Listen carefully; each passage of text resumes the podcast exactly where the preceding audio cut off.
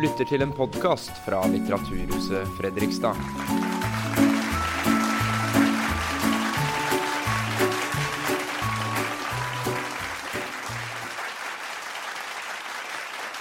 Det, men først skal vi bare prøve å ta et skritt tilbake og definere hersketeknikker. Det er jo sikkert mange som kjenner dem fra Berit Aas' eh, tid, eh, da hun eh, revolusjonerte norsk offentlighet på en måte gjennom å definere disse fem hersketeknikkene hun, hun hadde.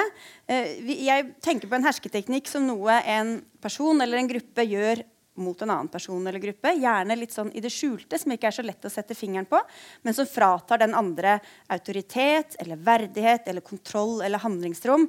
Eh, at den ene på en måte tar det på, på bekostning av den andre. Og som kan være vanskelig å se der og da. Kanskje vi først skjønner det liksom når vi ligger og kverner om kvelden, og, ikke, eh, og, og først da kommer på den kjempesmarte kommentaren liksom, som vi skulle ha fyrt av, men som vi aldri helt får bruk for. For det er jo ikke alt, alt, det er aldri akkurat den samme situasjonen som, eh, som oppstår. Berit Aas' fem hersketeknikker, som sikkert mange kjenner, var da den usynliggjøringen, som jo sier seg selv litt. Altså de, når du ikke blir sett, du blir eh, oversett eller sett bort ifra. Latterliggjøring, noen som håner deg, ler av deg. Eh, dobbeltstraffen. Det er feil uansett hva du gjør. Velger du det ene, så skulle du tatt det andre. og tar du det andre, så skulle du selvfølgelig ha gjort det første. Eh, påføring av skyld og skam. Og tilbakeholdelse av informasjon. Vi skal komme litt tilbake til noen av dem. Det er jo fortsatt sånn at Dette er høyst relevante eh, hersketeknikker den dag i dag. Men samfunnet har jo utvikla seg og endra seg, heldigvis. Eh, så vi har fått mer likestilling. Vi har litt mer maktspredning på den måten at det er, ikke, det er liksom ikke så langt opp til makten ofte. Det, vi er blitt mer individualistiske, og det er ikke alltid like lett å si hvem som har makt i enhver gitt situasjon. For det er jo ikke alltid sånn at det er han mannen på 60 år i dress som driver med hersketeknikker overfor hun eh, jenta i kjole på 22. Eh, heldigvis så er det også sånn at vi har fått mer Uh, ulik maktkonsentrasjon i, i, i, samfunnet. Og da kan du være mektig i én situasjon og avmektig i en annen situasjon. Eh, så vi driver med alle disse hersketeknikkene som regel, de fleste av oss, og vi blir også utsatt for dem, litt avhengig av situasjonen. Og så er Det også sånn at uh, det finnes mange forskjellige typer makt, som gjør at vi kan ha makt i en situasjon og ikke ha det i en, i en annen situasjon. Vi tenker jo ofte på makt som politisk makt eller økonomisk makt, men vi har jo også kan ha emosjonell makt, seksuell makt og definisjonsmakt, som vi var inne på, som også kan være type makt som vi, uh, som vi tyr til. Og det er jo gjerne når det er kampen om den makten og interessekonflikter at disse hersketeknikkene dukker opp så er det sånn at mange bruker uh, ordet hersketeknikker og beskylder andre for å drive med dem uh, også. Det kan jo selvfølgelig også være en hersketeknikk. Eh, god som noen, det. Eh, men det betyr også at når det skjer i offentligheten, at vi har dette liksom bevisste forholdet, forholdet til det, så er det lett at vi peker på dem. Eh, og det skjedde i det første eksempelet jeg skal vise et, fra en Dagsnytt 18-debatt. Eh, hvor det var mange av de ganske tradisjonelle ingrediensene kan vel si, um, til stede. Uh, det handlet om uh, en debatt om Panama Papers. Hvor uh, skipsreder Herbjørn Hansson kom for å diskutere sammen med skattedirektør Hans Christian Holte og Truls Wickholm fra Arbeiderpartiet om skatteparadiser som Bermuda og Monaco osv. Og, og, og, jeg har kontor, og vi har kontor i Monaco. Det er ekstremt nøye. Det er mye mer nøye enn i Norge. I tell you, altså. Og du var ni år når jeg begynte i denne businessen, og, du var ikke født engang. Jeg har holdt på med dette siden 1974. Jeg. Ja, han øh, Vi la ut et litt lengre klipp om dette på Facebook som ble sett av 200 000. eller sånt, som i Dagsnytt 18-målestokk er ganske mange mennesker. Eh, og mange syns at han var utrolig festlig og unorsk og veldig annerledes enn det de fleste gjestene våre er. Men så var det også andre som mente at dette var liksom hersketeknikker av verste sort. Og veldig sånn tradisjonelt typisk eh, hersketeknikk. Så i fjor høst så inviterte vi ham tilbake da Aftenposten hadde en ny runde, ikke om pa Panama, men Paradise Papers. Um, og vi hadde jo hatt kontakten, da, Herbjørn og jeg, uh, i mellomtiden. Og hadde jo, han hadde jo fått boka mi uh, tilsendt osv. Så, videre. så da uh, skal vi se hvordan det gikk da han kom tilbake, da. Det syns jeg er Det er dårlig gjort, altså. Jeg, jeg, vil ikke henge ut dere, men jeg sier dere er kunnskapsløse. Og du sier du selv du har aldri vært på Bermuda. Jeg var der første gang i 1980. jeg. Men jeg må ikke bruke for høy stemme og se for sint ut, for da er det hersketeknikk? Forrige gang. Ja, ja, ja, ja, der fikk jeg den. Så, så dette er liksom litt det sikkert mange forbinder med, selv om her var det jo, ja, her var det noen litt yngre kvinner også i mottakerenden. Um, men det er jo ikke sånn at det bare er godt voksne menn som driver med disse hersketeknikkene. Som jeg var inne på, så gjør vi det alle sammen. Jeg vet at jeg gjør det, og det skriver jeg jo også litt om uh, i boka. Dette er Geir Ramnefjell. Han er jo en mye yngre fyr. Uh, en liberal, uh, likestilt type som er altså politisk redaktør i Dagbladet. og han ble, altså han, han, møtte opp i Dagsnytt 18 uh, for et par år siden for å diskutere mot hun som da var leder i Press, som er Redd Barnas ungdomsorganisasjon. Og De har en pris som heter Gullbarbie, som de deler ut til den de mener er best til å få norsk ungdom til å føle seg verst. Altså ikke en veldig hederspris uh, uh, å få. Og Dagbladet var da nominert, og, de diskuterte om dette var en rettferdig nominasjon eller ikke. og så avbryter hun ham, og så skal vi bare høre så vidt hvordan han reagerer på det.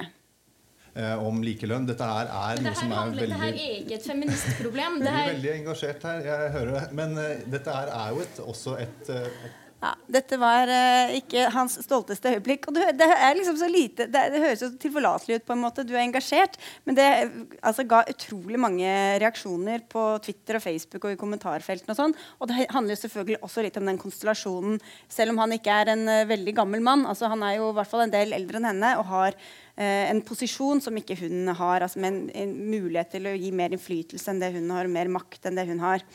Uh, og Det ble da stempla veldig der ute som hersketeknikk. og Da jeg tok kontakt med Ramnefjell en stund etterpå i forbindelse med denne boka, fordi det var et av de eksemplene jeg kom på da, så ble han helt sånn åh, liksom, Det var ikke det han hadde lyst til å bli forbundet med, å drive med sånne hersketeknikker.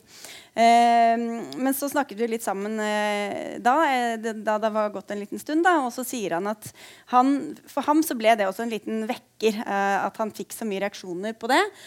og at han var vant til å se på seg selv som en fyr som ble hersa med minst like mye som han hersa med andre. Og hadde ikke tenkt over egentlig den posisjonen han var i. Eh, som en ganske tross alt mektig person eh, som eh, politisk redaktør i Dagbladet. Og det gjelder kanskje mange av oss at vi ikke alltid er liksom fullstendig bevisst den innflytelsen og makten vi kan ha over andre mennesker.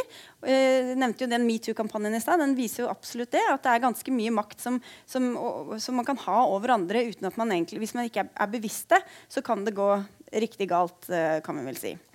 Eh, I disse tilfellene så var det ingen som led noen nød. Hun, uh, Sten Nylander har gått på kurs og holdt kurs i hersketeknikker, og hun responderte veldig saklig og sa bare dette handler ikke om mitt engasjement, dette handler om Og så fortsatte hun debatten. Uh, og de, de andre de som var utsatt si, for Herbjørn Hansson, tror jeg heller ikke gikk hjem med noen sånn sjelelige skader for livet. og de er jo ganske sånn likeverdige mennesker. Men det kan være skadelig og det kan være farlig å bli utsatt for hersketeknikker eh, sikkert veldig mange som kjenner igjen den utrolig såre følelsen av å bli ledd av og latterliggjort og ydmyket foran andre. Som kan sitte ganske lenge, særlig hvis det skjer i en sårbar posisjon eller når man er ung. eller prøver å måte, vise seg fram på et eller annet vis, blottstille seg på, annet, på en eller annen måte, og så blir man eh, latterliggjort. Det kan sitte ganske lenge i. Du føler oss ydmyket og dumme, og vi, da gjør vi liksom ikke det samme neste gang. Uh, og på arbeidsplassen er det ganske mange fæle historier om hvordan både sjefer og kolleger kan uh, reagere f.eks. hvis en arbeidstaker oppleves som brysom fordi han eller hun prøver å ta opp problemer på arbeidsplassen. Eh, hvorpå vedkommende plutselig ikke lenger får eh, bli inkludert i fellesskapet. Kollegene reiser seg av gårde når du skal spise lunsj eh, og setter seg ned ved lunsjbordet. Eller sjefen slutter å gi deg oppgaver, slutter å gi deg videreutvikling, for så å eh, anklage deg for at du ikke har nok kompetanse. altså Fanger deg i et eller annet sånt spill hvor man blir helt spilt sjakkmatt. Og hvor i hvert fall ifølge forskerne kan det ende med både eh, sykemelding eller utfrysing fra arbeidsplassen. Og hersketeknikker eh, kan virke liksom selv i sin enkleste form. Eh, en av de historiene i boka er, eh, handler om eh, Lovlin Brenna, som er eh, en veldig ressurssterk dame. Som tidligere var hun leder for, for Foreldreutvalget for grunnskolen. Nå er hun gründer, og hun har fått Fritt Ord-pris og er liksom en veldig sterk person. Men hun forteller om den første gangen hun satt i et styre Uh, og Da var det bare henne og en annen kvinne, og så var resten eh, erfarne menn. Og hun eh, bare beskriver hvordan hver gang hun gikk fra, de, fra, de styremøtene, så følte hun seg så dum og ubrukelig, og hun ville egentlig bare slutte. Og tenkte at her har jeg ingenting å gjøre. Jeg bidrar ikke med noen ting. Jeg er bare helt uh, utrolig talentløs til å være styremedlem i dette styret. Og så var det da eh, satt hun og spiste lunsj sammen med denne andre kvinnen i styret, og, som var litt eldre enn henne. Og hun sier at her har vi virkelig havna sammen med gutteklubben Grei. De driver med alle hersketeknikkene i boka. Og Brenne hadde ikke noe forhold til det ordet eller de, ingen av de begrepene. i det hele tatt, Og sa hva mener du? Ja, men Legger du ikke merke til det at hver gang når du har ordet, så er det noen som avbryter deg? Eh, ingen følger opp når du kommer med et innspill på møtet. Eh, det er bare som du, som du, ikke har sagt noen ting. Eh, og da liksom, gikk det et, et, lys opp for henne at ja, det handler ikke om at jeg nødvendigvis er så dum og ubrukelig, men det handler om den situasjonen og hva jeg også blir utsatt for. Og så forteller Hun at hun klarte ikke nødvendigvis å eh, endre atferd eller liksom bli tøffere og sånn inne på møte, de styremøtene. Og så sluttet hun etter hvert til de møtene også. Men hun klarte i hvert fall uh, at det ikke gikk utover selvtilliten hennes. At hun ikke bare sto der og følte seg dum og ydmyket. Så Første bud er jo da å lære å kjenne igjen disse hersketeknikkene, sånn at vi ikke reagerer med en sånn umiddelbar eh, emosjonell eh, reaksjon og føler oss dumme og små, men at vi klarer å liksom, analysere det litt raskere enn når vi ligger hjemme i senga den samme kvelden og tenker hvordan det var og hva som skjedde. Um, så er vi tilbake da ved dette med å definere virkeligheten, som jeg var inne på litt, uh, litt uh, innledningsvis. For det handler jo ofte når du driver med hersketeknikker, om å frata andre mennesker uh, kontroll. Og det kan vi gjøre gjennom å tvinge dem inn i en annen virkelighetsbeskrivelse, vir virkelighetsoppfatning, enn de føler seg hjemme i eller kjenner seg igjen i eller vil være, ved, vedkjenne seg. Eh, og sånn, I offentligheten så er det jo alltid en sånn kamp om definisjonsmakten. Eh, jeg var inne på liksom, ja, alt som har skjedd i Arbeiderpartiet. hvordan liksom, skal det handle om, Er det en maktkamp, eller er det overgrep? Eh, eh er det begge deler? ikke Her, det er veldig steile fronter når det gjelder å beskrive virkeligheten.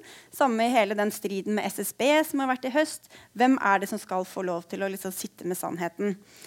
Eh, men også i, for de fleste mennesker i privatlivet eh, så handler det også om det Vi snakker ofte om at jeg skal eie min historie. Det er jeg som skal få fortelle den.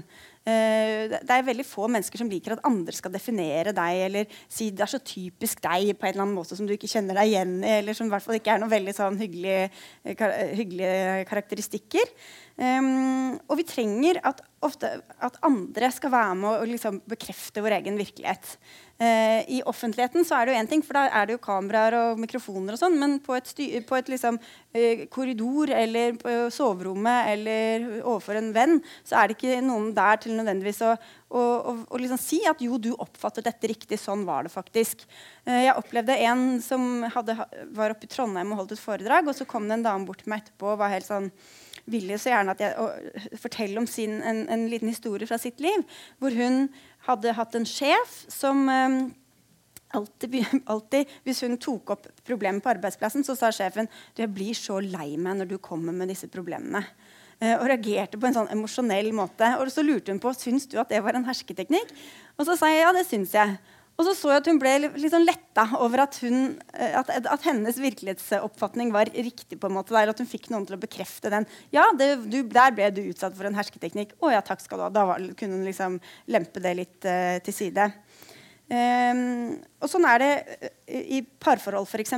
Noen som er litt sånn av den litt destruktive uh, typen. Uh, hvor den ene eller det trenger ikke være parforhold, kan være andre familiekonstellasjoner eller venneforhold. eller hva som helst, Hvor den ene tar over definisjonsmakten fullstendig.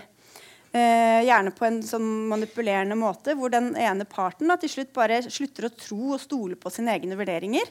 Eh, og er fullstendig i den andres vold når det gjelder liksom, ja, sånn er du. Dette, det gjør du alltid. Sånn er du bestandig. Dette er vårt forhold.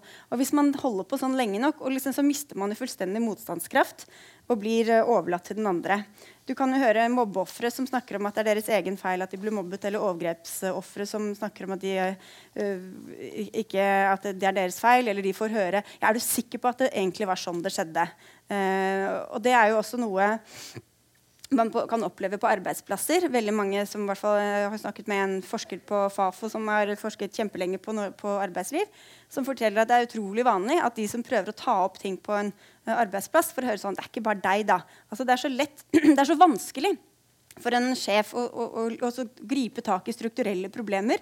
Det er mye lettere å si det er ikke bare deg, da. Eh, for da kan man liksom feie til side den personen i stedet for å måtte gå gjennom hele veiven om ting som kanskje er litt mer større, større problematiske forhold. Eh, ja. Eh, skal vi se, Vi kan bare gå til et eksempel eh, til. Vi var jo innom metoo. Uh, dette er en hva skal vi si, et lite blaff som var for noen år siden, som har handlet litt om det samme. 'Jeg har opplevd' var det en hashtag som het. Jeg vet ikke om dere husker den. Men var, eh, da var det eh, en rekke kvinner og jenter som beskrev i offentligheten 'jeg har opplevd'. Og så var det sånn tafsing eller overgrep eller liksom alt fra den veldig alvorlige enden av skalaen til det litt eh, bare ekle, liksom. Eh, og, det, og det fikk på ingen måte samme omfang og gjennomslagskraft som metoo-kampanjen, men den fikk allikevel nok til at noen eh, lot seg eh, irritere eller frustrere over at de følte at de ble satt inn i en virkelighet som de ikke følte seg hjemme i. Kjetil Rollnes, som jo sikkert mange kjenner, en, en samfunnsdebattant, mente at dette var alle hersketeknikkers mor. Da refererte han da til denne kampanjen. Og hvordan noen kvinner fikk lov til å definere hele den offentlige samtalen. Han nå har ikke jeg snakket med han, men nå bare lever jeg meg inn i hodet hans. Uh, ut fra hva han skrev. Um, følte jo da at liksom, menn ble stemplet som en eller annen sånn De kunne ikke gå på gata nærmest uten å liksom grafse rundt seg på alle damer de så. Eh, mens de kvinnene som da kom med disse historiene, følte seg jo da eh, stemplet som noen altså Det var ikke det de mente å si. ikke sant? Så det ble litt sånn hersketeknikker i alle eh, retninger, hvor alle mistenkeliggjorde hverandre. eh, og så ble det kamp om hvem som skulle få lov til å eie disse historiene. Det, eh, som, som vi kjenner også veldig godt fra denne metoo-kampanjen nå, selvfølgelig. Hvem er det som skal få lov til å definere, eh, definere virkeligheten? Eh, vi kjenner litt det samme fra en annen kampanje som var et halvt år etterpå, sånt, hvor det var eh, mange med minoritetsbakgrunn som hadde sett seg lei av eh, det de kalte hverdagsrasisme, som var sånne spørsmål om hvor kommer du fra egentlig, eller så godt norsk du snakker. Eh, sånn, sånn som de sikkert får høre veldig ofte. Og som de da sa at nå er vi lei av det her, dette er våre historier. Og så var det veldig mange som reagerte på at ja, men skal vi ikke få lov å spørre hvor, Det er bare godt ment. Jeg lurer på hvor du er fra, og det gir deg et kompliment. Eh, og da ble det også en sånn historie hvor, eller en slags kamp hvor de som kom med disse historiene, sa ja, men du kan ikke få definere min virkelighet. Eh, og så følte de andre at de liksom ble mistenkeliggjort, at de kunne ikke si noen ting lenger uten å bli kalt rasist, nærmest, eller eh, Eller i hvert fall mistenkeliggjort på en eller annen måte, da. Ehm, så er jo da spørsmålet om hvordan man da jeg kaller det å kuppe virkeligheten. hvordan man gjør det, og en måte er jo da, som jeg, litt, som jeg var inne på med disse mm, på arbeidsplassen eksempel, at man liksom sier at det handler ikke bare om deg. Um, at man snevrer inn virkelighetsforståelsen. Uh, en del uh, som er tillitsvalgte, forteller også om hver gang de skal prøve å ta opp, eh, ta opp saker på arbeidsplassen, så får de vite nei, men det er ikke tema her. Det er ikke tema her. Det er aldri tema. Eh, her skal vi snakke om det. Så det, det, de liksom kommer aldri til det temaet som de ønsker å ta opp, for det er alltid utenfor den, eh, den, eh, de, de premissene som de skal legges for den eh, diskusjonen.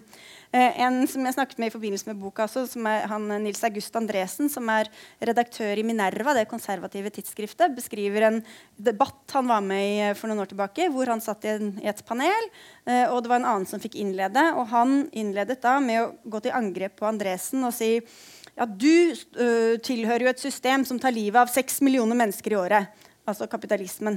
Eh, og sånn og sånn, og så fortsatte han liksom ut fra det. Da var det grunnpremisset. Og han Andresen opplevde jo bare at han liksom ble satt inn i en helt sånn eh, for ham eh, utrolig rar virkelighet som han aldri da klarte å komme på offensiven. Så den debatten tapte han så det sang, ifølge ham selv i hvert fall. Eh, og når du først har lagt de premissene, så kan du jo låse alternativene. Det er jo de som får bestemme virkeligheten, som får også bestemme på en måte, veien ut. fordi du, de, Hvis du definerer problemet, så vet du jo også hva som er eh, mulige løsninger. Eh, så da låser du på en måte allerede der eh, veien. Um, og en måte også man kan um, tukle med virkeligheten på, på en måte, er jo å tildele andre roller som de ikke egentlig er der for å ha. Um, og dette med rolleforståelse har noen eksempler i boka som ikke egentlig handler om um, eh, hersketeknikker, men som bare viser hvor viktig det er å, å, være seg bevisst. da. Hva slags rolle Er jeg her som øh, arbeidstaker? Er jeg her som far? Er jeg her som venn? ikke sant? Uh, alle disse rollene vi kan ha gjennom en, en dag og gjennom et liv. Um, og Da bruker jeg et eksempel uh, fra en gang jeg skulle føde barn. Uh, hvor jeg satt på fødestua og liksom med fett hår og sånne skjorten og alt det man har på seg, da, eller ikke har på seg når man skal drive og føde. Uh, og sitter og føler meg jo bare utrolig utmatta og kjempevondt. Og ja, alle som har vært med på en fødsel, vet jo hvordan det er. Og så kommer legen inn til slutt. da, ventet kjempelenge, Så stopper han litt, og ser han på meg og sier han, Dagsnytt 18. og så kjenner jeg bare Nei, jeg er ikke Dagsnytt 18 her nå. og jeg sa det til og med, for det orker jeg ikke å forholde meg til her og nå. Og så tok han seg litt i det helt til det hadde gått fem minutter, hvor han vil, veldig gjerne ville diskutere en aktuell sak. og det var jo ikke noe hersketeknikk fra hans side, men det bare viste, altså, jeg, jeg, kjente da jeg fikk den der Dagsnytt 18, at jeg liksom følte at egentlig så måtte jeg stramme meg opp litt liksom, og være og representere eh, NRK i stedet for å bare ligge der og prøve å få ut den ungen. Eh, og Ingrid Stenvold, kollega i Dagsrevyen, opplevde noe av det samme. Uh, jeg vet ikke om jeg skal si det er enda verre situasjon, men der hun var da til en gynekologisk undersøkelse uh, og lå med bena oppi disse bøylene, da, og legen holdt på der nede. Og så plutselig så liksom finner han det for godt å, å liksom dukke opp og si sånn Du, han vil gjerne diskutere om denne kollegaen til Ingrid Dagsrevyen og en sak de hadde hatt der. Og hun også beskriver det bare sånn Åh, liksom ikke nå. og det er jo litt sånn Vi har jo ikke lyst til å Plutselig så må man være sånn ja, passe på hva man sier eller hvordan man ser ut, og, og, og sånn, som man uh, helst ikke vil gjøre i de situasjonene. Da. Og det er jo selvfølgelig, da, da, da, blir jo liksom arbeidslivet trukket inn i den private situasjonen, men det kan jo like gjerne være motsatt. Hanne Bjurstrøm, som i dag er likestillings- og diskrimineringsombud, har en fortid som uh, advokat i uh, privat næringsliv. Og da var det en gang hun jobbet på en arbeidsplass hvor det nesten bare var menn. Og hun forteller at hun pleide å sitte på møter, og så var de menn eh, Ikke de mennene, men eh, kanskje en eller to da, som sa til henne da sånn Du, nå er klokka tre, nå må vel du dra og hente i barnehagen. Uh, og hvor hun da måtte si nei, det, det, må jeg faktisk ikke. Jeg skal være her på dette møtet. Og det er en sånn måte hvor du liksom trekker inn, um, trekker inn uvedkommende elementer for å også bidra til at liksom, autoriteten svekkes. altså Handlingsrommet blir litt mindre. Eh, I fjor høst så beskrev Jette Christensen fra Arbeiderpartiet eh, en situasjon Uh, hvor hun hadde vært på en middag i regi av Bergens næringsråd. jeg vet ikke om dere husker det, men Da tok hun opp at hun opplevde i hvert fall at hun, hennes rolle ble veldig innsnevret fordi hun hele tiden måtte forholde seg til kommentarer på utseende og kjole og alle mulige ting som hun uh, ikke hadde lyst til å være der og snakke om. Uh, og det beskrev hun i, her i Politisk kvarter. Jeg kan bare høre litt av hva hun sier. Og jeg tror mange ikke opplever at det er vondt meint. Men det ødelegger min mulighet til å delta på samme måte som alle andre hvis jeg må bruke tid på å parere nedsettende kommentarer. Og jeg har fått mange tilbakemeldinger på at mange har opplevd det samme. Jeg har fått tilbakemeldinger fra kvinner som har deltatt på middagen, som har lyst til å gå hjem og dusje etterpå fordi de er blitt kladda på for mye. Det, går, det er så lett å la være. Eh, og jeg har bare en klar oppfordring om å slutte med det. Disse mennene blir ledet av seg sjøl, og da er det seg sjøl de må gå i. Bergen næringsråd gjør en eh, imponerende innsats både når det kommer til likestilling som tema, og når de eh, velger folk inn i organisasjonen. Dette angår ikke deg, men det det angår, er den enkelte mann som syns at det er en god åpningsreplikk å kommentere enten fysikk eh, eller kvinners tilstedeværelse overhodet, istedenfor å snakke om det man er der for å snakke om. Og det forventer jeg at jeg skal få lov til på lik linje med en mann.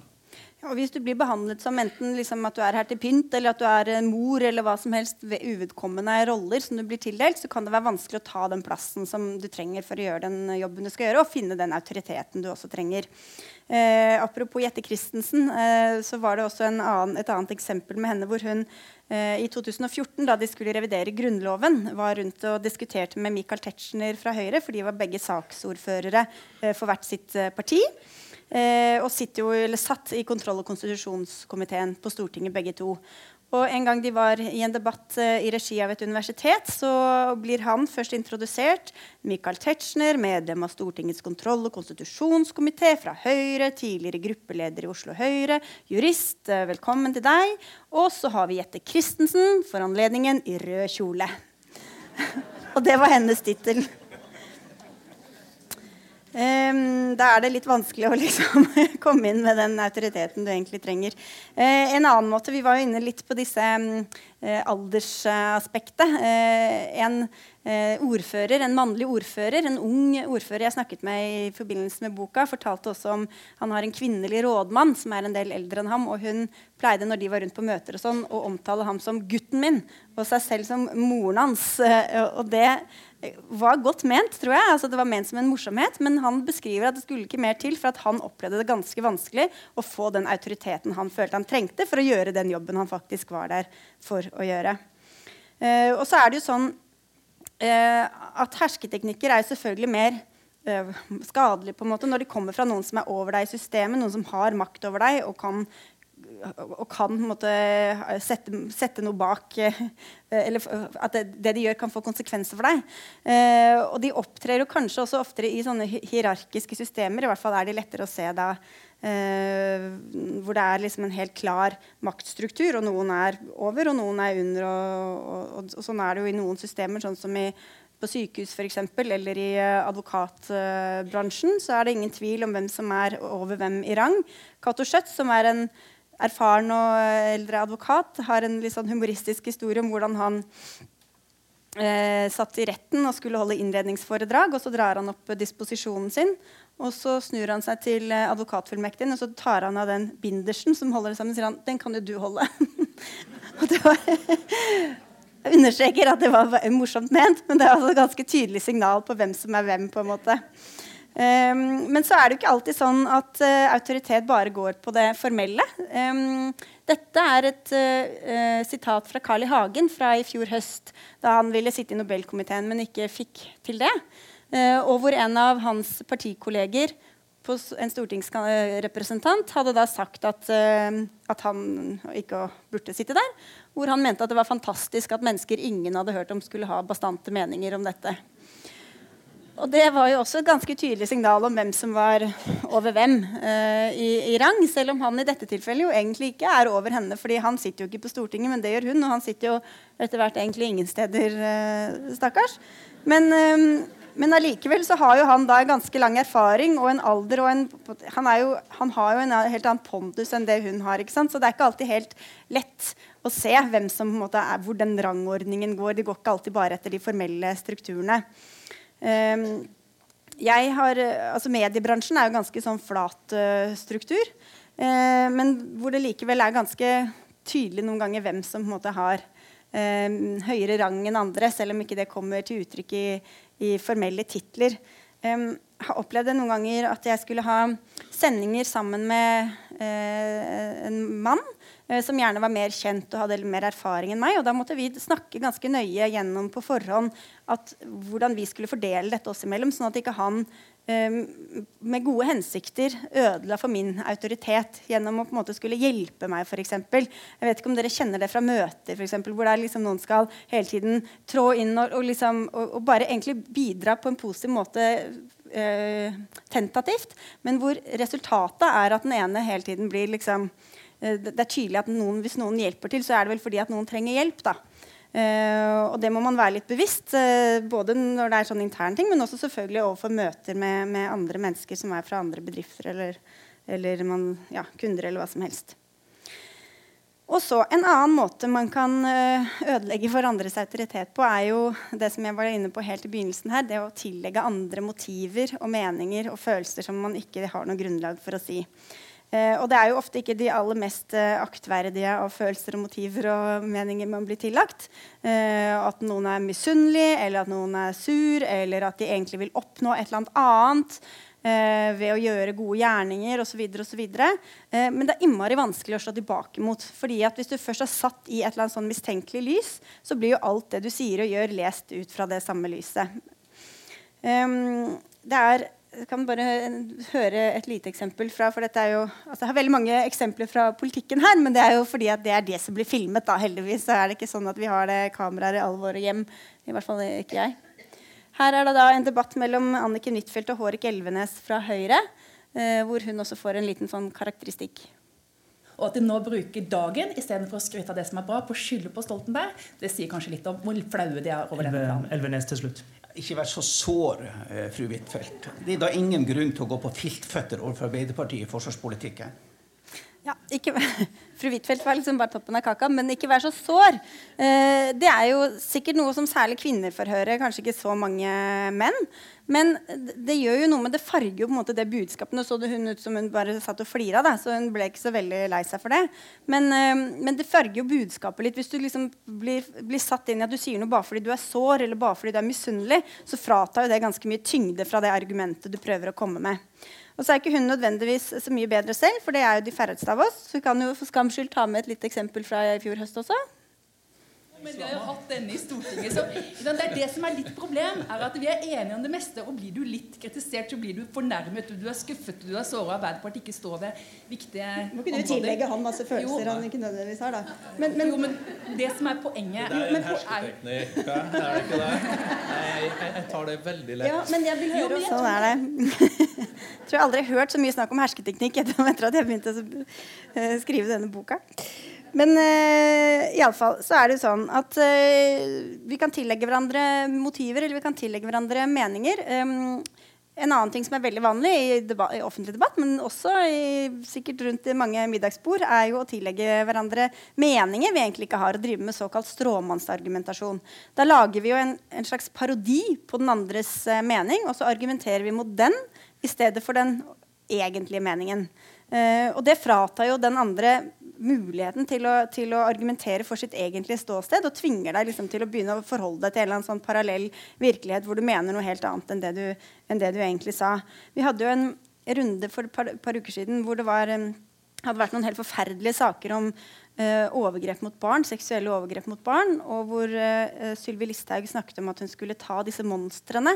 Og så ble jo det en debatt uh, om, om det var konstruktivt å bruke sånne ord eller ikke. Og hun jeg har ikke noe klipp av det her, men hun møtte jo Uh, jurist Anine Kierulf i, uh, i, eh, studio i Dagsnytt 18. Og hvor uh, Kierulf innledet med å si at dette var helt forferdelige overgrep. Og disse menneskene var, begikk jo grusomme handlinger og måtte virkelig liksom, tas og forfølges. men at det var dumt å kalle dem for monstre, fordi det gjorde det vanskelig å, å ta disse menneskene og finne dem. I tillegg til at det var dehumaniserende. Og da får hun som svar tilbake at hun kan jo sitte der og forsvare dem og, fremstille dem som ofre. Eh, men det ville ikke Listhaug gjøre. Eh, og det er jo også en måte altså, Hun responderte jo at det var jo absolutt ikke det hun gjorde. Men det er også en måte å eh, bedrive stråmannsargumentasjon eh, på. ikke? Fordi det er jo ingen som framstilte disse menneskene som ofre eller forsvarte gjerningene deres. Men ved å si det, så, så, høres, så høres, det ut som hun du, du, argumenterer mot, er jo fullstendig gal. Eh, og Listhaug er jo også en som selv uh, ofte blir forvrengt selvfølgelig, og lest alt hun sier, blir lest inn i et eller annet uh, mistenkelig lys. og sånn, Så her er det uh, tverrpolitisk stråmannsargumentasjon, kan vi vel trygt si. Eh, et, når, det, når, det, gjelder autoritet, så kan det jo også være et litt sånn pussig triks å, gi seg selv mindre autoritet enn det man egentlig har. Eh, og da er vi inne på det som ofte kalles å, å dra eller å spille offerrollen. Eh, og det er sikkert også mange som, som, kjenner igjen litt fra sånne private forhold noen ganger. At det er noen som det alltid er veldig synd på. Noen som på en måte framstiller seg litt som svak og spiller på mye dårlig samvittighet hos de andre for å få vilja si eller holde noen i, et eller annet uh, grep. Og så er spørsmålet hva vi kan gjøre når vi blir utsatt for disse tingene. Um, jeg tror at det ofte ikke er så lurt å si nå driver du med hersketeknikk, fordi det kan bare eskalere situasjonen eller lage en eller annen sånn, uh, enda mer fastlåst konflikt. Men å prøve å peke på akkurat hva det er som skjer. altså Ta det ned på et mer sånn praktisk uh, nivå. Eh, hvorfor, sier du at jeg, at, hvorfor tillegger du meg meninger du ikke har grunnlag for? Hvorfor sier du at jeg sier noe annet enn det jeg egentlig gjør? Altså Prøve å snu det, gjerne på en litt sånn eh, naiv måte eller spørrende måte til den andre, sånn at bevisbyrden havner der i stedet. Eh, og hvis eh, det er jo ikke alltid det hjelper, men da er det i hvert fall sagt. og da blir det bevisst. Fordi ofte så, eh, altså Hersketeknikker kan jo brukes bevisst, eller de kan brukes ubevisst. Og hvis de brukes bevisst, Eh, eller hvis de brukes ubevisst, så, så, hjelper det jo ofte å bli gjort oppmerksom på dem. For vi driver jo med masse ting. Vi, vi, er jo ikke alltid veldig klar over alle signalene vi sender, eller hvordan vi virker inn på andre mennesker. Eh, så det å bare ta det opp med noen, enten på tomannshånd eller der og da, og si at vet du hva, nå syns jeg du setter meg i den båsen, eller jeg syns ikke du hører på hva jeg faktisk sier, eller hva det nå enn er, eh, så kan det enten være bevisstgjørende, eller hvis det skjer bevisst, så er det på en måte sagt, og, og, og, sagt høyt, og da er det vanskeligere å gjøre det neste gang. Og så er det sikkert veldig mange nå blir det mange hersketeknikker her, dere. det er så mye å ta av der. Eh, som har sittet på møter og følt at eh, noen eh, liksom drar oppmerksomheten vekk fra det du sier. Altså, de fikler med telefonen, ser på PC-en sin, snakker litt lavt sammen mens du holder et innlegg, eller et eller annet sånt noe, som gjør at det er innmari vanskelig å holde tråden. Eh, jeg vet ikke om dere husker dette? Fra for halvannet år siden, da de skulle diskutere Hillary Clinton og, eh, og Donald Trump, og hvor han gikk bak henne liksom sånn litt ruvende hver gang hun skulle holde et innlegg. Og hun skrev jo den boka si at hun hadde jo egentlig lyst til å snu seg og skrike, men det gjorde hun ikke. Og det er jo bare ganske sånne enkle måter å få noen til å eh, altså En slags avledningsmanøver, noe man som trekker oppmerksomheten bort fra det du egentlig prøver å si, eh, og det som, som du prøver å holde fokus på. Eh, hun som nå forresten er blitt eh, leder i Kringkastingsrådet, men som tidligere var eh, stabssjef for Erna Solberg, Julie Brottkorp, har skrevet litt om hersketeknikker eller mange forskjellige ting. En bok hun ga ut for en del år tilbake. Og hun beskriver en situasjon som ofte oppsto da de var ute. Hun var jo da med Erna rundt på på debatter.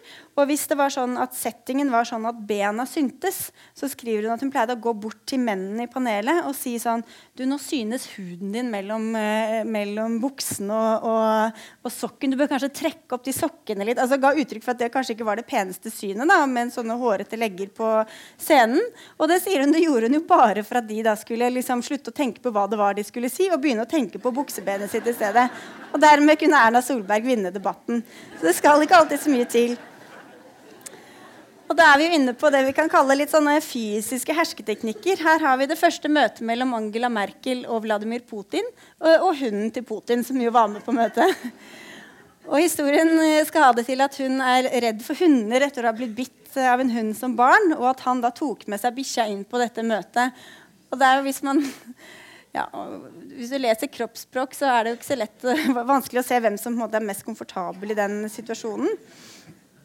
Men hun ble jo spurt i etterkant av journalister om hva hun syntes om dette stuntet. For at han lot da, den Hunden gikk jo løs og liksom sniffet og snuste der hvor hunder gjerne sniffer og snuser. Uh, og da sa hun til journalisten at det var så latterlig, det var jo så gjennomsiktig hvorfor han gjorde det, at dette var en sånn makt, uh, maktdemonstrasjon. Uh, og det er jo gjerne sånn at vi er, vi er, jo veldig bevisst, eller vi er veldig vare for andre menneskers eh, kroppsspråk og situasjoner, altså hvor man blir satt. Hvis du sitter med, med, ryggen mot en åpen dør eller med sola i øynene, alle mulige sånne gamle triks for folk som skal drive med forhandlinger og ønsker å vinne fram. Det, det, kan jo fungere. ikke sant? Vi er veldig vare for andres blikk og andres kroppsspråk. Enten det er da noen som står og ruver bak deg, eller noen som ikke ser på deg, eller som ser på deg på en måte som uh, gjør at du føler deg dum eller skamfull eller uh, alle disse tingene som blikk kan få oss til å, til å føle. Um, ja, ikke sant? Eller, uh, eller ikke, ikke, bli sett på i det hele tatt. Thorvald Steen, som jo er forfatter og sitter i rullestol, beskriver jo også hvordan det han kaller samfunnets blikk, at mange ikke tør å oppsøke uh, plasser eller steder i, i, i, samfunnet fordi at de er redde for liksom, det blikket de får fra, fra En sånn slags skaminduserende blikk fra folk som er rundt. Så vi kan gjøre ganske mye mot andre mennesker bare ved bruk av blikk og, blikk og kropp. Eller språk, selvfølgelig. Eh, en som jeg intervjuet i, forbind i, forbindelse med boka, beskrev eh, en situasjon hvor hun skulle holde et foredrag, og så hadde hun fått en melding fra en kvinnelig kollega i etterkant eh, hvor det sto 'Så flink du var. Du er visst ikke så blond som noen kanskje tror'. Og hvor hun eh, Hva skal jeg takke nå, liksom? Men hun beskrev at hun fikk rett og slett vondt i magen og gikk rundt med vondt i magen i mange uker. Er det noen der ute som går og tenker at jeg er blond og dum? Eh, og det er sånne liksom, finurlige måter man kan si ting til hverandre på som i overflatisk høres nesten hyggelig ut, men som under overflaten er det et eller annet stikk og en fornærmelse som, som er der. Eh, og apropos å si mye med få ord. Dette er jo fra en uh, Haugesunds avis i fjor høst om forfattere, kjente forfatterfjes som Dag Solstad, Jan Kjærstad, Lars Saabye Christensen, og kvinnelige forfattere som Cecilie Enger og Erika Fatland. Eh, og så fikk han, eh, Dette ble liksom spredd litt på sosiale medier, og han gikk helt sånn åh, det var ikke sånn ment. Og det er jo ofte ikke det. Han er ikke noen sånn mannssjåvinist. Men det, skal ofte, det er liksom ganske mange sånne små signaler som man kan sende, eh, og som viser hvem som er hvem. på en måte.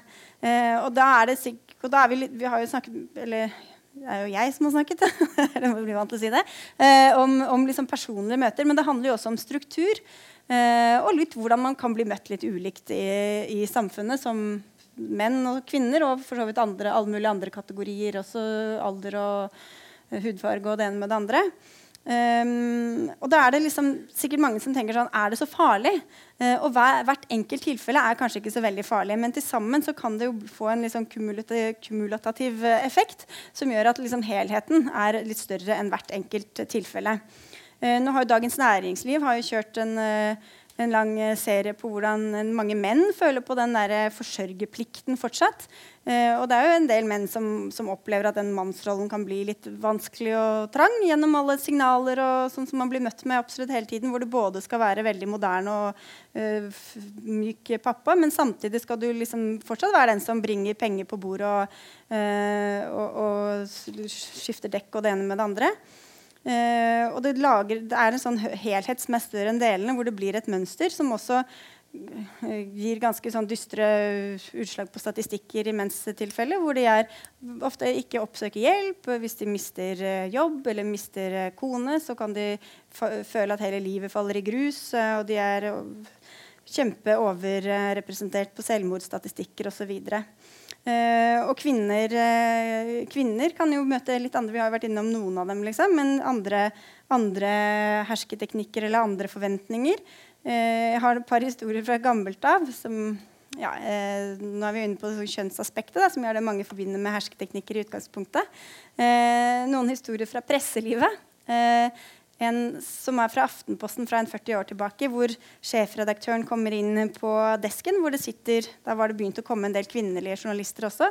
Og så ser han utover oss, hilser pent og sånn på alle sammen, og så går han inn til nyhetssjefen og så sier han, altså moro med jenter i redaksjonen, men hva gjør vi hvis det skjer noe? og det er jo en, en, ganske tydelig forventning om, uh, om som er, hvem som er i stand til å gjøre det viktige arbeidet. Uh, og så har jeg en fra 20 år tilbake også som jeg fikk høre fra tre kvinnelige kolleger i, i, NRK som jobber i politisk avdeling. og De hadde sittet nede på et kontor på Stortinget, hvor NRK har et kontor, og sittet og jobbet der. Og så hadde det kommet en sånn gammel NRK-nestor inn og stått i døren og åpnet og så sett på dem. Sett seg rundt, og så sier han 'Å nei, så det er ingen her'. Og så lukker han døren og går. Og de tingene ville kanskje ikke skjedd i dag, eh, heldigvis. Men det skjer fortsatt andre ting som er ikke så eh, synlige og ikke så eksplisitte, men som til sammen kan gi annet, eh, en litt skjevbehandling av kvinner og menn også. Eh, dere husker kanskje da Erik Poppe kysset på en annen NRK-kollega på munnen og fikk ganske mye pepper for det. Eh, en annen NRK-kollega, Ida, Ida Nysæter Rask, ble dyttet i vannet av Petter Northug på eh, direktesendt TV. Og alle sier, begge sa sånn Nei da, det var greit. Liksom. Det var ikke noe problem i det hele tatt. Eh, et, apropos dyttet i, i, vannet, en annen kollega av meg som jobber i politisk avdeling i NRK, eh, Astrid Randen, beskriver eh, fra da hun var på FrPs valgcamp for en del år tilbake, hvor hun satt og intervjuet Siv Jensen. Og så kommer Per Sandberg bort i bar overkropp eh, og sier til Astrid 'Du skal bade'. Og så sier hun nei, jeg skal ikke bade. Jeg sitter her og intervjuer Siv Jensen. Jo, du skal bade. Og så tar han og løfter henne opp i den hvite sommerkjolen og går og ut i vannet og kaster henne i vannet. Eh, og grunnen til at jeg forteller det er bare, uh, Han beskrev dette også i sin bok eh, for noen år tilbake. Og hvordan han hadde fått en sixpack av, av sikkerhetsvaktene som liksom belønning. Eh, for stuntet. Og han beskriver også at han, han syns at hun er kjempeflink. Eh, det var humoristisk ment fra hans side. Men det hun også beskriver, er at det settes, det settes i en ganske vanskelig situasjon. Og det skjer ganske ofte. Du trenger ikke å bli kasta i vannet for å gjøre det. Men hvis det skjer et eller annet som du syns er litt ubehagelig, så får du liksom valget mellom å bare godta det eller å bli sett på som snerpete eller sur eller følsom, overfølsom, eller alle disse karakteristikkene som ingen egentlig syns er ok. Eller at du liksom Skal du spille offer, eller tåler du ingenting? eller har du ikke selvironi? Ikke og det og det tror jeg henger litt sammen også at vi er så redde for å liksom bli sinte og sure. Men det er faktisk lov å bli litt sint og sur iblant og si fra eh, om at dette syns man ikke er greit. Og så er det da, eh, nå er vi fortsatt inne på kjønn her, eh, fortsatt sånn Menn kan jo oppleve det på kvinnedominerte arbeidsplasser. At de eh, ikke får den autoriteten de trenger. Vi hører om menn som ikke får lov til å skifte bleie i barnehagen. Det er jo ikke bare hersketeknikk, det er jo i strid med loven. Eh, men om også kvinner har intervjuet en kvinnelig kirurg som forteller om hvordan hun må tilkjempe seg den autoriteten hun trenger iblant. Hvis hun er på vakt og, og telefonen ringer, så ber de andre nesten alltid om å få snakke med legen. Og så sier hun det er jeg som er vakthavende lege. Ja, men den egentlige legen, uh, ja, det er fortsatt meg. Er du sikker på at du ikke er sykepleier? Jeg er helt sikker på at jeg ikke er sykepleier. Så sånn er det. Vi møtes med litt ulike, ulike forventninger. Uh, og det kan oppleves litt sånn stigmatiserende, eller i hvert fall at båsen kan bli litt uh, trang iblant. Um, og så er det jo ikke sånn at kvinner ikke driver med samme, altså med hersketeknikker mot uh, både andre kvinner eller mot menn. Eh, noen menn forteller om, og for så vidt også kvinner, eh, forteller om noen som alltid skal eh, ta til tårene. Og det er ikke nødvendigvis noe man gjør med vilje heller, men det er i hvert fall en veldig effektiv måte å stoppe konflikt eller stoppe eh, uenighet på. Hvis, eh, hvis noen på, eh, har et møte og den ene begynner å gråte, så virker det ganske ufølsomt hvis du fortsetter å liksom kjøre på med de samme argumentene eller vinne, ville vinne fram med ditt eget argument. Eh, eller et litt mer eh, vet ikke om vi skal kalle det en vanlig hersketeknikk, men en som jeg eh, snakket med i forbindelse med boka, som beskriver hvordan hun da hun var litt yngre, pleide å sitte på styremøter med en veldig sjenerøs utringning. Og da hun da ville videre og liksom få gjennom sin sak, så pleide hun å si sånn Ja, men nå syns jeg vi går videre, dere. Og så liksom lente hun seg litt over bordet, og så gikk det videre, da. Alle ble helt sånn fjetret av det. Men så er det også en del som har, kvinner som har blitt utsatt for massehersketeknikker, som, eh, som bare fortsetter å bruke det mot andre. for liksom, det, det, går jo litt i arv, det her. Eh, en advokat som, som, beskriver hvordan hun har pleid å liksom, Hun har fått lille venn, og hun har blitt kalt ved feil navn, og alle disse typiske greiene. Plutselig hører seg selv stå og si det samme til yngre kvinnelige kolleger som kommer opp bak henne. Eh, på rangstigen, ikke, ikke fysisk. Men, eh, og hvor noen ganger så blir hun helt sånn Å, nei! Jeg, jeg, sa jeg det? liksom? Jeg har ikke lyst til å være den personen. Men så er det samtidig en liten kjerne av, eh, av at hun tenker sånn ja, Det funka jo faktisk på meg. Kanskje skal se om hun her som er så flink, om det funker også på henne. Men dette er bare ting man må bare være litt bevisst. Og så tror jeg ikke vi blir kvitt det med, med, det samme, men det er i hvert fall greit å, å være obs på dem. Skal vi se. Dette er det Kristin Halvorsen uh, apropos kvinnelige hersketeknikker. Hun er jo veldig kjent for den uh, klappingen av armen til Carl I. Hagen. Um, men dette er det hun kaller mest det mest effektive svaret på en hersketeknikk som hun vet om. Og det artige med det er jo at det er jo også en hersketeknikk.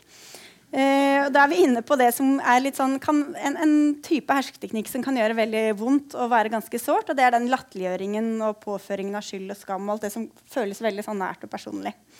Eh, dette her er fra da Sylvia Brustad, som var hennes regjeringskollega i den rød-grønne regjeringa, eh, var næringsminister, eh, og hvor hun hadde fått masse kritikk Brustad altså, for hvordan regjeringa hadde håndtert en sak om Aker. Og hvor hun sa til slutt at jo, men nå skal de ha en generalforsamling, og da skal de løse opp i alt sammen. Og Lars Bonheim, som da var Venstre-leder, sa at uh, Sylvia Brustad bruker denne generalforsamlingen som et fikenblad. Og Sylvia Brustad bak et fikenblad er ikke det peneste jeg kan tenke meg. Og det fikk jo veldig mye overskrifter og veldig mange som syntes at det var en ganske drøy og latterliggjørende ting å si. Og så gikk da Kristin Halvorsen opp på talerstolen et par dager etterpå og sier vi kvinner som har vært ute en vinternatt før, vi vet jo at de mannfolka som er sværest i kjeften og mest sjåvinistiske, er de som trenger det minste fikenbladet selv. Og latterliggjorde da Lars Bonheim. Hun fikk ikke debatten på noe saklig spor, men hun fikk liksom gjenopprettet en eller annen ære og viste at noen ganger så kan man bruke en hersketeknikk mot en hersketeknikk uh, for å i hvert fall uh, på en måte slå tilbake. Da. Det blir jo mer hevn enn egentlig noe sånn saklig svar. Men det er jo veldig vanskelig også å forsvare seg selv mot sånne, eh, sånne liksom, ting som føles som det går på selvfølelsen løs. Og da er det veldig fint og takknemlig å ha noen andre som kan ta den kampen for deg. Um, så hvis vi skal prøve å uh, oppsummere litt, så er det jo det viktige å kjenne igjen disse teknikkene. Prøve å peke på det som skjer. Det er veldig fort gjort at man blir sånn liksom hevnlysten eller føler seg dum eller et eller annet som er en eller annen emosjon som kommer, eh, og hvor du enten eskalerer konflikten eller overtolker den. Eh, men vi må hvis vi klarer å liksom ta et skritt tilbake og se ok, her analysere situasjonen på 1, 2, 3, så kan man heller velge om man ønsker å ta det opp, eller om man bare vil la det passere. Eh, det er jo ingen som kan, altså En hersketeknikk er jo like avhengig av mottakeren som avsenderen. Hvis vi ikke reagerer på det, så har det jo ingen virkning. Da kan du bare slå tilbake på den som driver med det. Det virker dumt eller upassende eller eh, overdrevent. Um, og så er det veldig lett å liksom, i en opphetet situasjon også tolke hverandre i verste mening. Og det er jo også en annen fin regel. at vi trenger, Det er jo ikke alltid vondt ment. Og det er jo ikke alltid ment sånn. Det er fort gjort å bli litt sånn i, i en opphisselse at man eh, slå, liksom slenger en hersketeknikk tilbake i stedet for å, stedet for å ta et skritt uh, tilbake. Og så er det da sånn at To mennesker kan oppleve en situasjon ganske ulikt. Uh, et siste eksempel er fra da denne serien da vi styrte landet, med tidligere statsministre som gikk på NRK i fjor høst, hvor eh, Willoch, Kåre Willoch eh, kommenterte eh, det at, at han eh, var blitt beskyldt for å med vilje hisse opp meningsmotstanderne, i dette tilfellet Gro Harlem Brundtland. Men eh, jeg har sett sånne alminnelige kommentarer. F.eks. at jeg skulle ta sikte på å opphisse noen. Fullstendig uriktig. Eh, Hvis noen ble forarget, så var det fordi Jeg vet ikke av noe annet. Det at jeg skulle ønske at noen ble sint, det stemmer ikke. Jeg vet ikke om det var bevisst, Kåre, men jeg husker du drev og sa eh, 'fru Brundtland'. Eh, Jo, og det, det- og det det, er ikke ja. noe galt nødvendigvis å si det, men hadde du sagt her, sa du herr Bratteli og herr Nei, men altså nå husker på, Jeg er kanskje litt grann eldre enn deg. Hele den tiden jeg vokste opp og begynte politikk, så var det en selvfølge at man sa fru osv. Jeg var gift med Arne Olav, og han heter da Brundtland til etternavn. Jeg var Gro Harlem Brundtland. Og jeg var ikke fru Brundtland, som du sa. Men, det, det, men du forklarer nå at du er 11-12 år eldre enn meg. Og at det kan medføre at det du syns var naturlig, det følte jeg var unaturlig. Ikke Hvis jeg, hvis jeg i begynnelsen av min politiske karriere hadde droppet tittelen frue, så hadde det vært forargelsesvekkende. Men det var jo hyggelig at vi fikk oppklart dette under denne middagen. Dette er jo helt forsonende. Der har vi fredsmegleren Bondevik på dampen.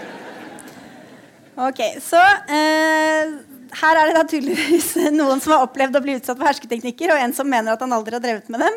Eh, og begge deler kan det på en måte være riktig, selv om det virker jo kanskje litt rart at aldri noen har hvisket Willoch i øret at eh, folk reagerte på den tiltaleformen.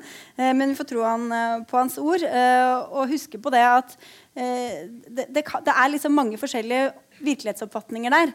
Um, og at vi, kan, uh, at vi kan eh, oppfatte situasjoner veldig, veldig ulikt.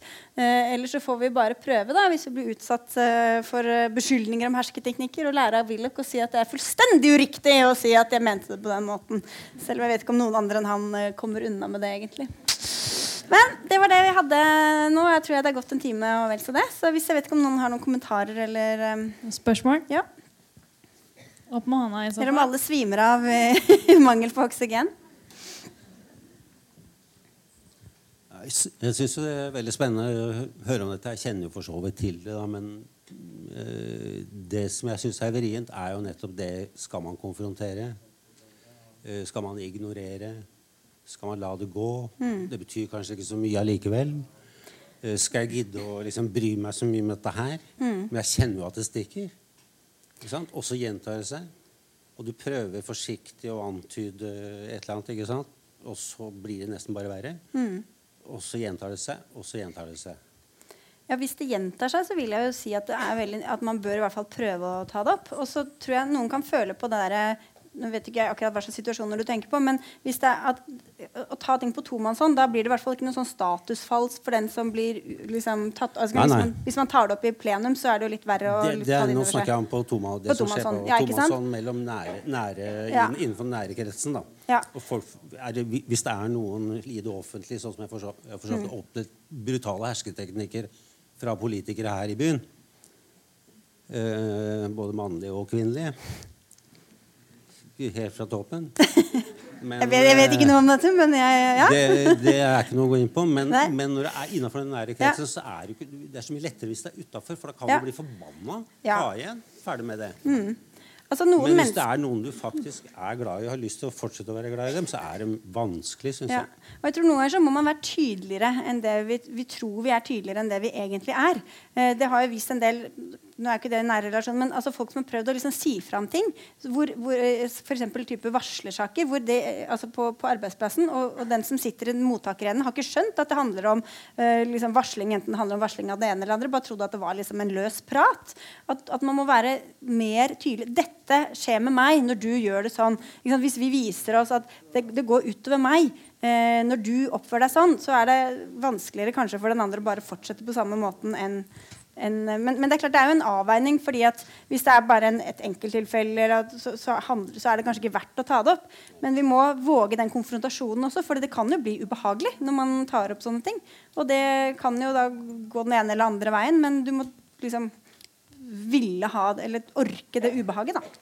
Og så kan det ligge på en grense hvor det går mot eh, noe som er juridisk eh, problematisk. Ja, ja, altså det er jo mange Og da, hvor, hvor, hvor setter man grensen? Når går man? Anmelder man? Når Ja. går man dit? Når går henvender man seg dit?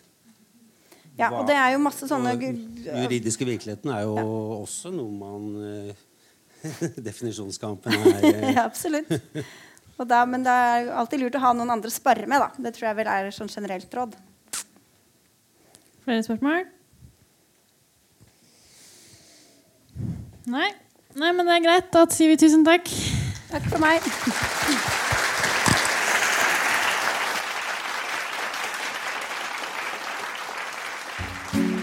Nå har du hørt en podkast fra Litteraturhuset Fredrikstad.